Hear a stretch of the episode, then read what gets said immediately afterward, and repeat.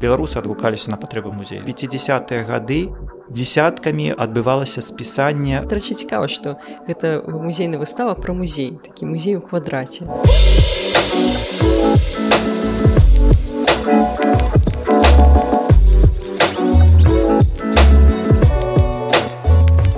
Шчыра вітаю вас на аўдыахвалях нашага наступнага выпуску.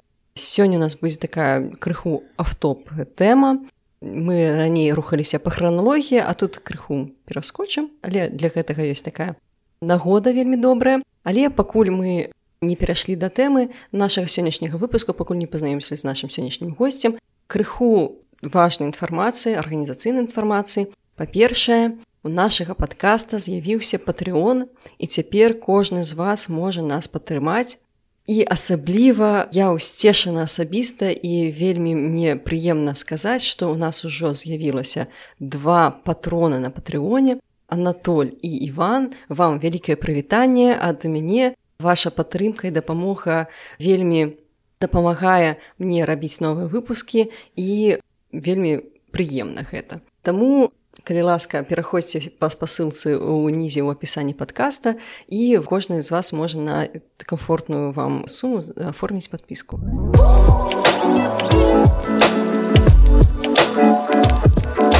сёння у нас у гасцях Дмітрий моніш вядучы навуковы супрацоўнік нацыянальнага мастацкага музею. Не проста так а вядучы навуковы супрацоўнік. І у нас сёння для сустрэчы з Дмітрыем вельмі такая прыемная нагода Таму што Дмітрий з'яўляецца куратарам выставы, якая зараз праходзіць у музеі стагоддзя віленскага беларускага музея. Што гэта за музей такі быў? Па сутнасці сама назва і раскрывае, што гэта за музей, віленскі беларускі музей імя Івана Луцкевіча, то бок это беларускі музей які быў заснаваны пераважна з той калекцыі старажытнасцяў якую сабраў сам иван і музей знаходзіўся ў вільні Таму як я кажу назва кажа сама за сябе. Так а хто такі иван луцкевич иван луцкевич я так скажу ад цябе суб'ектыўна я думаю что тая асоба той чалавек без якого немагчыма уявіць Беларусь сучасную хоць он і жыў 100 год таму і асноўны перыяд яго дзейнасці грамадскай сацыяльнай актыўнай такой культурнай палітычнай это все прыпадае на пачатак два стагоддзя. Тым не менш я лічу што каб не тое што ён зрабіў запачаткаваў у 10 20 гады два стагоддзя то ці была б сёння тая Беларусь якая яна ёсць. Хаця калі так паглядзець то можна сказаць што ён запачатковаў а па сутнасці мала што было такое даведзена до конца і можна так сумам канстатаваць што ён пры сваім жыцці і не ўбачыў вынікаў такіх плёнаў сваёй працы. Гэтыя плёны у у пэўным сэнсе зараз пажынаем ужо мы. Ну я ведаю што івановскевич ён быў вельмі актыўны ў грамадскай дзейнасці у палітычнай дзейнасці. А вось яго дзейнасць як такога асветніка я напрыклад нават не ведала што яго была калекцыя старажытнасці ў беларускіх. Што сябе ўяўляла гэтая калекцыя? Што там было для прыкладу? Гэта калекцыя якую скажем так будзем апісваць умоўна словамі тых хто жыў побач з іванам тому што на жаль няма яго ўласных успамінаў увогуле пра самога Івана казалі што ён быў практыкам а не тэарэтыкам. Ён менавіта дзейнічаў у яго не было часу можа жаданне каб нешта занатоўваць свае ўспаміны занатоўваць нейкія навуковыя даследаванні які ён мог праводзіць і нават могуць не адразу сказаць а як жа яго даследаванні адносна кітабаў беларускіх. Дык вось ён пра сябе мала што пісаў. У асноўным захаваліся ўспаміны тых хто быў побач з ім якія занатоўвалі тое што ён ім апавядаў І самае важна, што пра яго казалі, ён збіраў беларускую калекцыю старажытнасцяў. Гэта ўсё. Фактычна яго калекцыя была універсальная ад археалогіі, нумізматыкі этнаграфіі да жывапіс, графіка, скульптура, старадрукі, дакументы, рукапісныя, все все все все все все, што было звязана з Беларусю. Для яго было важна сабраць все, што звязана з Беларусю, каб паказаць, што Беларусь мае багатую гісторыю і багатую спадчыну культурную То бок ён усё што бачыў все што знаходзіў ён усё гэта нейкім чынам збіраў у адным месцы. Як ён вызначаў беларускасць экспанату? Калі музей расфарміроўвалі пытанне да як это вызначаць беларускасць не беларускасць. Асабліва калі мы кажам пра спадчыну для яго было вельмі важна это збіраць беларускую спадчыну перыяду вялікага княства літоўска рэч паспаліта як там вызначаць беларускасць калі гэта зараз. Сённяшняга пункту гледжання да, сёння так. гэта ўжо нават спадчына якая знаходіцца на тэрыторыі беларусі польшы літвы там недзе латві украіны часткова рассіі то як гэта вызначаць нават тады 100 год таму это таксама было не так лёгка. Але я думаю што у івана ну пэўна быў нейкі свой пункт гледжання на гэта.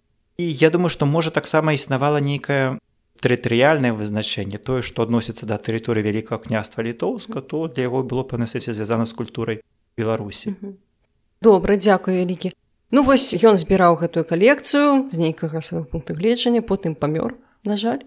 Які лёс гэтай калекцыі далейшы быў трэба сказаць што чалавек все ж такі ён быў прадбачлівы за год да сваёй смерти 1918 год самы пачатак у студзені збіраецца беларуская канферэнцыя акупацыйныя ўлады нямецкі дазволілі і на гэтай канферэнцыі ствараюць беларускае навуковае таварыства.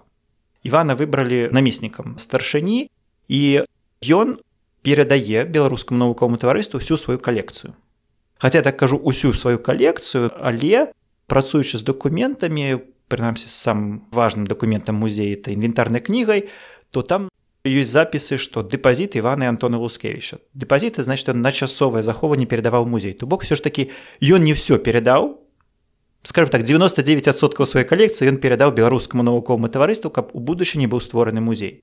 І ён паміраю 1919 годзе а музей ствараецца толькі праз два гады то бок ідэя і жаданне стварэння музею канешне ж была але ён все запачаткоў як я казаў пачатку. Ён запачаткаваў гэтую справу якую працягвалі ўжо потым пасля яго адыходу ў вечнасць. То бок праз два гады гэта ў якім годзе гэты музей быў заснаваны? 1921 21 год. гэта да рыжскага міру альбо пасля? Гэта ўжо пасля рыжскай мірнай дамовы. І трэба казаць што канешне ж тыя грамадска-палітычная сітуацыя на беларускіх тэрыторыях э, на тэрыторыях было вялікага княства літоўска то спрыяла канешне зацягненню гэтага працэса увогуле скажу што я не прэтэндую на ідэальнае веданне гісторыі самога музея але наколькі я вось валодаю сітуацыю можна зразумець што 19 год калі ён сам памірае да 21 года то ўсім вядома з 19 по 21 год савецка-польская вайна. Это калі грамадская вайсковая сітуацыя она змяняецца то на адзін то на другой бок І вось такі ўжо ў 21 годзе пасля таго як падпісваецца рыжская мірная дамова калі канчаткова ўжо тэрыторыі заходні беларускі адыходзь у склад польшы і ўжо пры польскай уладзе прымаецца рашэнне стварэння гэтага музея. Ну, вільня таксама знаходзілася ў польшчы на той момант так? Так так. Ну, да як мы тут трэба канечна падкрэсіць што гэта тэрыторыя польшчы і польскія ўлады даюць дазвол на стварэнне музея і даюць некаторае фінансаванне фінансавую падтрымку але розных крыніцах дзе сустракаў гэта была мінімальная фінансавая падтрымка якая была таксама дзяржаўная падтрымка але гэта фактычна толькі зарплата дырэктара музея зарплата сучасна кажучы бухгалтару і то не бухгалтару ўсяго музея а бухгалтару усяго навуковага таварыства. Вось яны атрымлівалі сталы мінімальна нейкі заробак. Рэшта гэта ўжо падтрымка грамадскасці беларускай грамадскасці вільні віленшчыны заходняй беларусі бСр і ўвогуле беларусаў за межа то як яны падтрымлівалі такі кронфаунды так. І я бы сказаў што не тое што скажу такой вельмі актыўны што музей мог шыкаваць але адгукаліся. Беларусы адгукаліся на патрэбы музея. То бок музей за кошт гэтых сродкаў мог існаваць і прынцыпе больш-менш стабільна Ну стабільнасць напэўна гучнае слово тут будзе прынамсі як бы нам хацелася да, под гэтым словом разумець стабільнасць але мог існаваць да якога часу ён атрымліцца існаваў у вільна? Стварэнне 1921 год а потым трэба сказаць што 39 год пасля пачатку другой сусветнай вайны ён уже існуе з пэўнымі перапынкамі Таму што гэта зноў-такі змена уладаў адбываецца гэта і вайсковыя дзеянні на тэрыторыі заходняй беларусі таму з 39 по 45 год. Музей існуе дзейнічае але з пэўнымі перапынкамі. Зразумела. А потым гэтыя экспанаты яны ўжо пры савецкай уладзе. Што з імі адбываецца? Адбываецца падзел калекцыі паміж літвой і беларусю. Калекцыя застаецца ў літве толькі частка прыязджае ў Беларусь. Зразумела. А вось якія там былі самы такія знакамітыя экспанаты у гэтым музеі? Тут адразу тады скажу што канешне на сённяшні дзень мы можемм зыходзіць толькі ну калі вот як гісторыкі як ты хто прэтэндуе называцца імі працуем з дакументамі і зыходзім з інвентарнай кнігі што было напісана там знаходзіліся старажытна-беларускія партрэты сармацкія партрэты гэта былі там і партрет напрыклад льва сапее які сёння дарэчы можна убачыць у пастаяннай экспазіцыі нацыянальна гістарычна музея. Ён паходзіць з калекцыі музея Івана Луцкевіча там знаходзіліся калі браць дакументаў і самы такі яркі ўспамін калі Іван Луцкевіч паехаў у краку даведаўшыся што там прыватнай калекцыі знаходіцца трэці статут вялікага княства прычым што трэці статут яшчэ на старабеларускай мове напісаны. Не на польскай на старабеларускай таму для яго это было вельмі важна здабыць знаходзіўся статут. Там знаходзяць таксама рукапісы 16 17 стагоддзяў. Знаходзілись таксама нейкія граматы прывілеі перыяду вялікага княства літоўскай рэчы паспалітай калі браць з пункту гледжання такого сучаснага мастацкага як напрыклад больш мой профіль то гэта былі і абразы і 17 стагоддзя 18 это і разбіная скульптура жывапіс графіка. Але канешне трэба казаць што пераважна все сэнсе абмяжоўвалася это тэрыторыя заходняй беларусі дзе гэта все маглі збіраць. А то бок гэта не простая калекцыя яна сабрана иван луцкевічем але потым яна дапаўнялася яшчэ пазней так і тут напрыклад калі часам не здаюць пытанне ці можете вы сказаць што ў музеі было пры іване а што пасля яго з'явілася бо калекцыя папаўнялася і пасля яго смерці ўжо калі дзейнічаў сам музей.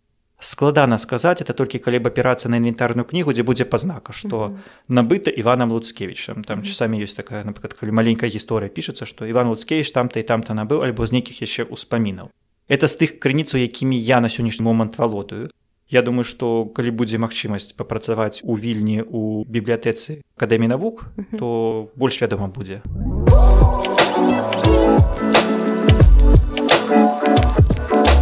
Так перад гісторыя зразумелая, давайте паговорым уласна кажучы пра выставу. Калі мы заходзім у нацыянальны мастацкі музей, куды нам ісці, каб паглядзець выставу. Ну, трэба просто зайсці нацыянальны мастацкі музей у галоўным корпусе фактычна як вы заходзіце ў музей адразу вас вітае уваходная зона гэта сама назва віленскі беларускі музей імя івана луцкевіча то бок выстава размешчана ў галерэі старога як мы называем галоўнага корпусу выстава яна сабе спалучае тое што сёння ёсць у беларусі трэба адразу сказать не ўсё тому что калі нават збіраць што все ёсць она бы все не змясцілася і такой задачи не ставілася каб все сабраць самае яскравае на мой суб'ектыўны пунктлежанне як куратара. Але галоўная ідэя гэта на выставе прадстаўляць толькі тыя прадметы якія паходзяць з калекцыі музея луцкевіча. Не дапаўняць іншымі музейнымі прадметамі якія маглі б скажа нам дапамагчы зрабіць рэканструкцыю эпохі дапамаглі б зрабіць больш шырокае ўяўленне пра сам вобраз івана луцкевіча пра сам вобраз музея. Не для мяне самае важна было паказаць тое што калі вы прыходзіце на выставу і бачыце гэта было ў калекцыі музея луцкевіча але ёсць пытанне Таму што да сённяшняго дня я адносна некаторых предметаў не да канца упэўнены ці яны паходзяць з калекцыі музея ивана луцкевіча. Гэта ёсць прадметы і жывапісу ёсць прадметы і графікі. Каб патлумачыць чаму я не ўпэўнены трэба тады ўжо распавядаць пра той як гэтыя прадметы траплялі ў Беларусь. Давайте паговорым як яны траплялі тут тады можа давайте зробім такую вот перагісторыю як я казаў. 39 год так. пачатак другой сусветнай войны і на пэўны момант спыняецца дзеянне самога музея. Тут трэба сказаць што музей ён быў адкрыты для грамадскага наведвання. Все жадаючыя маглі наведваць ёсць нават справаздачы якія рабіліся ў 30 гады. Колькі людзей наведвала колькі экскурсій праведзена то бок яго наведвалі без праблем. 39 -го года калі пачынаецца праблема вайсковыя наступы калі змена ўладаў адбываецца музей перыядычна зачыняецца 39 годзе як мы ведаем подписывается загад калі вільня віленщина переходит у склад літвы і пэўным сэнсе для літоўскага ураду это быў кампраміс яны ўваходзяць у склад ссср. За гэта яны атрымліваюць тэрыторыі атрымліваюць вільню і пэўны момант так суб'ектыўна назовем эйфарыі для іх Я думаю што напэўна гэтым скарысталіся беларусы як калі ў 41 годзе у траўні туды едзе дэлегацыя дамаўляцца з літоўцамі каб весь музей перавесці у бСр у менск планавалася што весь музей забіраць літоўцы прымаюць гасцінна авогуле для того каб дэлегацыя выглядала салідна запрашаюць такіх двух стаўпоў беларушчыны это янку купала і якуба колас тым больш што сам янку купала непасрэдна быў звязаны і з музеем луцкевіча і з іванам луцкевіча ведаў яго праз рэдакцыю газеты наша ніва І вось яны едуць іх там вітаюць рэстараны опера балеты все задаволеныя і літоўцы кажуць забірайце забірайце але гэта травень 41 -го года. Месяц праходзіць змяняецца пачынаецца вайна падчас вайны зразумела што не да музея. Музей у акупацыйны перыяд дзейнічае 44 годзе калі вызваляецца тэрыторыі зноў напрыканцы 44 -го года дэлегацыя ў лістападзе едзе ў вільню 44 года для того каб казаць ну вось мы дамаўляліся давайте мы уже гатовыя тут тэрыторыі вызвалены будзем все забіраць літоўцы сустракаюць вельмі холодна не кажуць не так не не. І толькі калі дэлегацыя вяртаецца прыходит адказ што было прынята рашэнне ствараць ліквідацыйную камісію дзеліць калекцыю музея І такі крытэрый быў створаны чатыры групы. Першая група тое, што з калекцыі музея адносіцца да гісторыі культуры літвы, другая група тое, што адносіцца да Беларусі, третья тое, што адносіцца і да літвы і да Беларусі, а чавёртае, што не адносіцца ні да літвы, ні да Беларусі. Бо трэба казаць, што калекцыя была шырокая, там і еўрапейскае мастацтва было прадстаўлена. Тое, што адносіцца да літвы застаецца ў літве, тое, што адносіцца да Беларусі, едзе ў Беларусь, тое, што не адносіцца ні да літвы, ні да Беларусі, застаецца ў літве, А тое, што адносіцца да літвы да Беларусі, зноў застаецца ў літве і толькі копіі рэплікі патрапілі на тэрыторыю Беларусі. То бок я казаў, все застаўся ў літве, толькі маленькая частка прыехала. 45 годзе гэтая маленькая частка калекцыі прыязджае ў мінск. На той момант у мінску два музеі фактычна дзейнічае. Гэта створаны музей гісторыі вялікай чыны вайны і адноўленая дзяржаўная карцінная галерея. Гэта сучасны нацыянальны мастацкі музей. І все, што вярталася пасля вайны ў музей, все, што у Беларусь правильно сказать вярталася все што падчас вайны было вывезена акупацыйнымі нямецкімі ўладамі яно вярталася ў музей гісторыі вялікай чыны вайны это быў такі цэнтр адкуль потым размяркоўвалася па іншым музеям.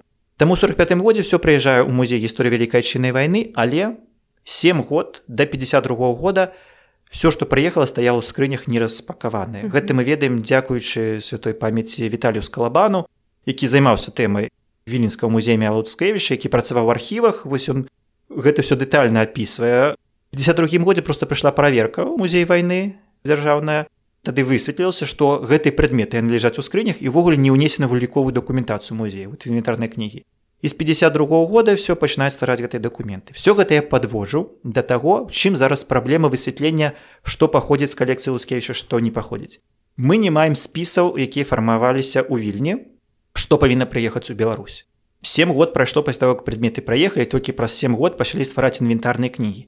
І зараз асноўная крыніца, чаму безумоўна я давяраю інвентарная кніга музея Івана Луцкевіча нумар адзін.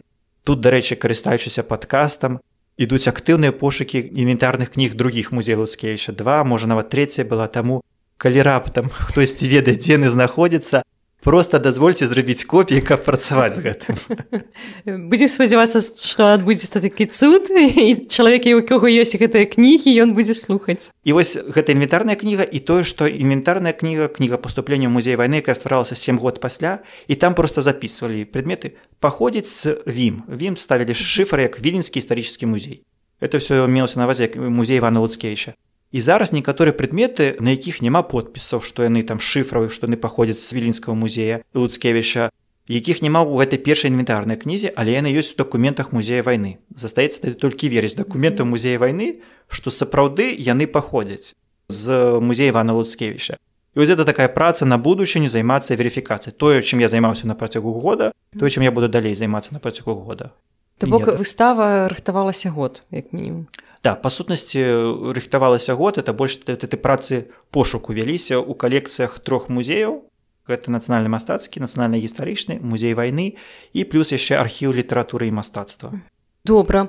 Вось калі наш слухач зойдзе ў музей зойдзе на гэту выставу на што яму трэба звярнуць увагу? На што трэба вось кінуць асабліва такі уважлівы погляд? Я бы сказаў так што паглядзець сама ідэя была паказаць што такое музей пачатку 20 стагоддзя што такое музей сёння Таму па сутнасці экспазіцыя пачынаецца з умоўнай рэканструкцыі музея пачатку 20 стагоддзя Што такое музей пачатку 20 стагоддзя па сутнасці гэта адкрытае захаванне адкрытае захаванне всім было зразумела это калі музей не мае дастатковай колькасці памяшканняў не толькі для того каб ствараць саму экспазіцыю але даў каб захоўваць предметы. Справа тым што музей выставляе недзе 3-5соткаў з той калекцыі якую ён мае. В умовах пачатку 20 стагоддзя ва умовах беларускага музея луцкевіча сховішча ў дэпазітары месца нешта захоўваецца ввогуле фактычна няма таму все што ёсць стараюцца максімальна все на сцены таму сцены это значит адкрыта захаванне зверху данізу завешаныя застаўленыя і все разам ідзе жывапіс графіка нумізматыка археалогія этнаграфія дакументы баністыка все разам але тут зноў такі па-першае я быў абмежаваны плошчай самой мала квадратных метраў для рэканструкцыі абмежаваны колькасцю саміх прадметаў музейных. І трэба сказаць што канешне ж у музею ивана луцкейша я ніякім выпадку не хачу паніжаць узровень этого музея. Там все адно быў такі падыход што археалогію больш-менш разам змяшчалі в адной зале. Сакральнае мастацтва больш-менш таксама разам. Тут жа в этой умоўнай рэканструкцыі там все разам все намешана. Там ёсць і археалогія і ёсць предметы жывапісу разьба ёсць таксама этнаграфія все все все разам але просто каб стварыць такое ўражанне што ты нібыта трапляеш у музей пачатку 20 стагоддзя і гэта вот самы пачатак а далей гэта тое як мы сёння бачым музей дзе кожны прадмет гэта каштоўнасць сама па сабе. І адзін прадмет ён можа цягнуць на цэлую экспазіцыю бок фактычна выставачную плошчу можа заняць толькі адзін прадмет далей уже вся прастора пабудавана на такой адзінкавым так прадстаўленні асобных музейных прадметаў то конечно трэба сказаць што яшчэ абумольнасць тым што на жаль мы маем то што маем. То што 45 годзе потрапіла в музей і тое што захавалася да нашых дзён А што нешта не захавалася? А вось это другая трагедыя, якая адбывалася, нават тая малая частка, што вярнулася, нават яна не захавалася. Як так атрымалася?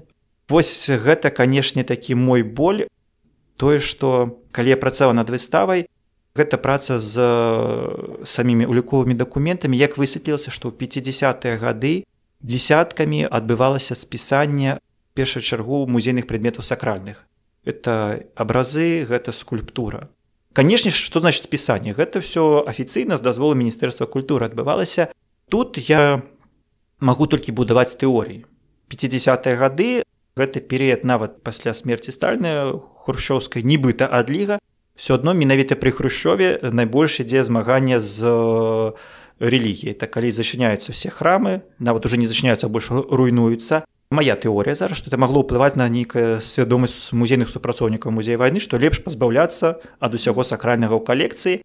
Тым больш это мягка скажем это не профіль музея. Музей гісторыя вялікайчыны вайны там знаходзяцца абразы. Таму некалькі десяткаў абразоў з калекцыі музея луцкейшыны просто былі спісаны што з імі адбылося Што за імі адбылося зараз мае такія тэорыі зноў такія мае што значит спісаны па сутнасці калі предмет спісваецца з музейнай калекцыі гэта і там тлумачылася што нібыта гэтыя абразы маюць нізкую мастацкую каштоўнасць і нібыта дрэнны стан захаванасці это па дакументах то бок яны павінны быць знішчаны. Калі ён спісваецца дрэнны стан захавалась то предмет ўжо не можа існаваць але больна сэрцу так але моя такая тэорія што яны не переставалі існаваць яны могуць зараз знаходзіцца ў прыватных калекцыях альбо нават ну такі яны зараз могуць знаходзіцца ў дзяржаўных зборах у музейных калекцыях просто мы можемм не ведаць што яны паходзяць з калекцыі музея луцкей што мог адбывацца такі зварот яго спісалі предмет нейкі як мы карыстаемся такой тэрмінологію музейны предмет бок той ікону ці скульптуру. Знаходзіцца на нейкі час у прыватнай калекцыі умоўна а потым хтосьці прынёс падараваў альбо можа нават прынёс на закупку ў музей. Перепетыя такія гэтых музейных прадметаў будзем карыстацца правильнай тэрміналогіі цікава канешне як складваецца лёс у іх і колькі ўсяго невядомага.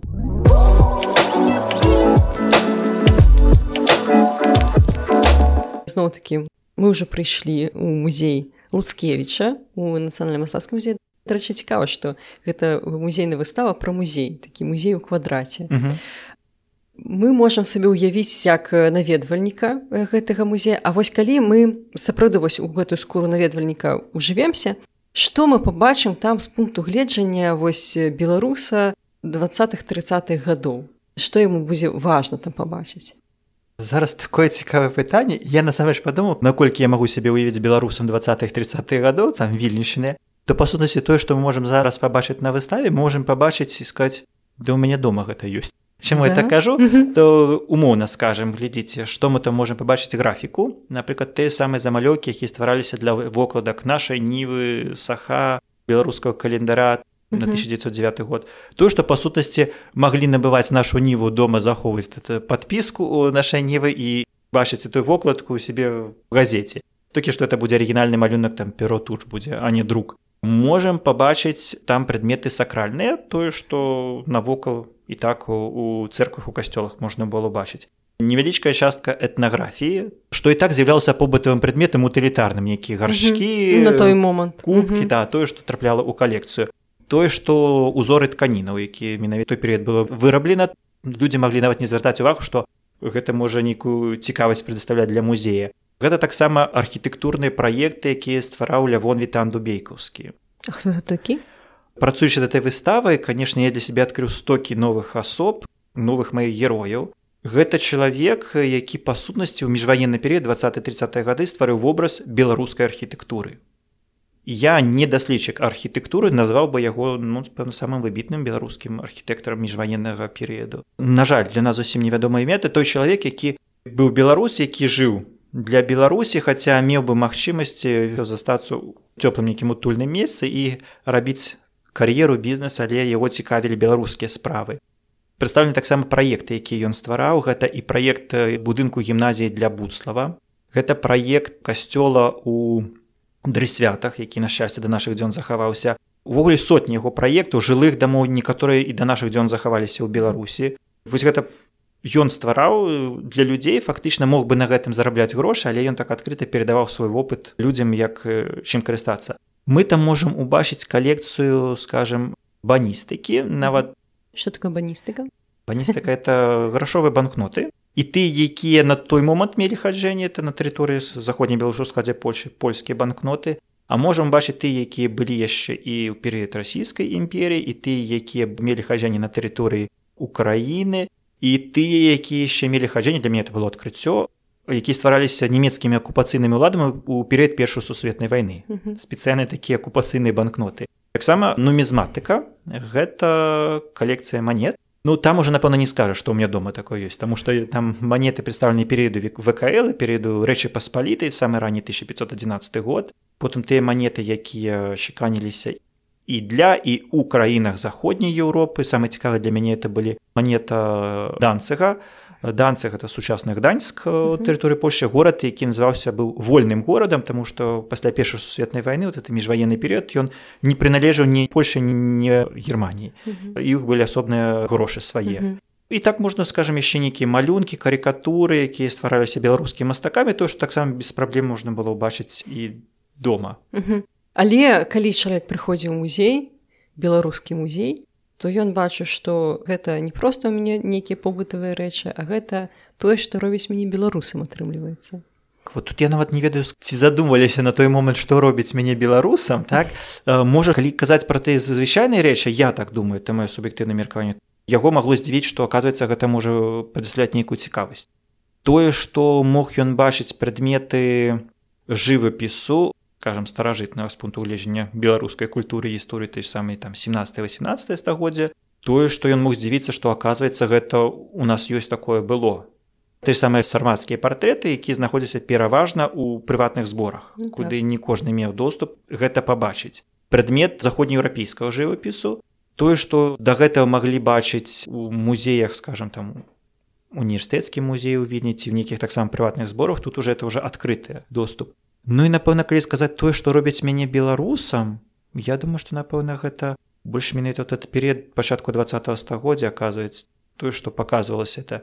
І перыёдыка якая была і кнігі якія выдаваліся все што было звязана з гэтым нашаніўскім адраджэннем. Я думаю што можа на той момант на гэта так звярталі ўвагу што робіць нас беларусам а тое што оказывается у нас было чаго мы не ведалі што мы маем такую спадчыну. Зразумела дзякуй вялікі Ну і будзем пакрыху завяршаць нашу размову менавіта пра музей. Што б ты як куратар мог пажадаць наведвальнікам гэтай выставы? Напрыканцы скажу тое, з чаго вот самая моя думка пачыналася пры працы над музеем. Гэта першы нацыянальны музей. Варта ісці, каб паглядзець на першы нацыянальны беларускі музей. Гэта не першы музей на беларускіх землях далёка не першы музей, не першыя зборы. Але гэта першы музей, тут я выкарыстоўваю такую тафталогію, што гэта музей які ствараў беларус для беларусаў і запаўняў яго беларускімі прадметамі. І тут ніхто ўжо не спрэчыць ні нашы суседзі ні літоўцы ні палякі не скажуць нам што ёсць пытанне ці сапраўды гэта быў беларускі музей Таму што сама назва яна кажа пра ўсё. Таму калі мы шукаем свае карані калі мы задаемся пытаннем а што ў нас было і ці было ў нас што-небудзь ну то варта схадзіць паглядзець на тое што ў нас было хоць нават это маленькая частка ну прынамсі з этого пачынаць Дзякуй вялікі Дмітрый за падрыхтоўку гэтай выставы за тое што знайшлі час сёння прыйсці на падкаст. На сёння мы развітваемся. Калі ласка шаноўныя слухачы слухайце нас на ўсіх платформах на Apple падкастах на Яндекс на Google падкастах і ўсюды дзе знойдзеце. Подписывайтеся на наши соцсеткі каб ведаць пра навіны нагадваю пра патрыон. Кожны з вас можа падтрымаць гэты праект рублём альбо доларам альбо еўра. Что там у вас ёсць? Не забывайцеся ставіць лайки сардэчки зорачки там дзе слухаеце у прыкладаннях на сервісах для падкастах тому что ўсё гэта дапамагае нашаму падкасту лепш аранжавацца і дапамагае ленце алгарытмаў паказваць яго зацікаўленым людзям. Дякую вялікі яшчэ раз дзякую нашим дзюм патронам. Спадзяюся ў наступным разам іх будзе ўжо больш. І да новых сустрэчаў. Да пабачэння